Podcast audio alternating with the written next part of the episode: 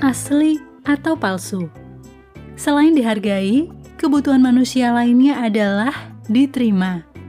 Untuk dapat diterima di lingkungan tertentu, perlu kaya, perlu gaul, perlu pintar, dan berbagai kriteria lainnya.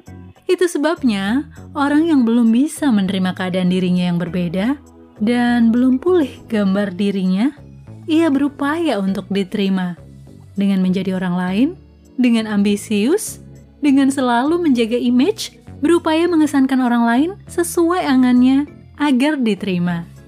Hingga suatu saat ia akan kelelahan sebab berperan menjadi orang lain, not genuine Daripada berpura-pura menjadi orang lain agar diakui dan mendapat pertemanan yang palsu, mengapa tidak bangga menjadi diri sendiri dan mendapat teman yang sungguh-sungguh menerima kita dengan keadaan kita sebenarnya dan mendapatkan persahabatan yang sejati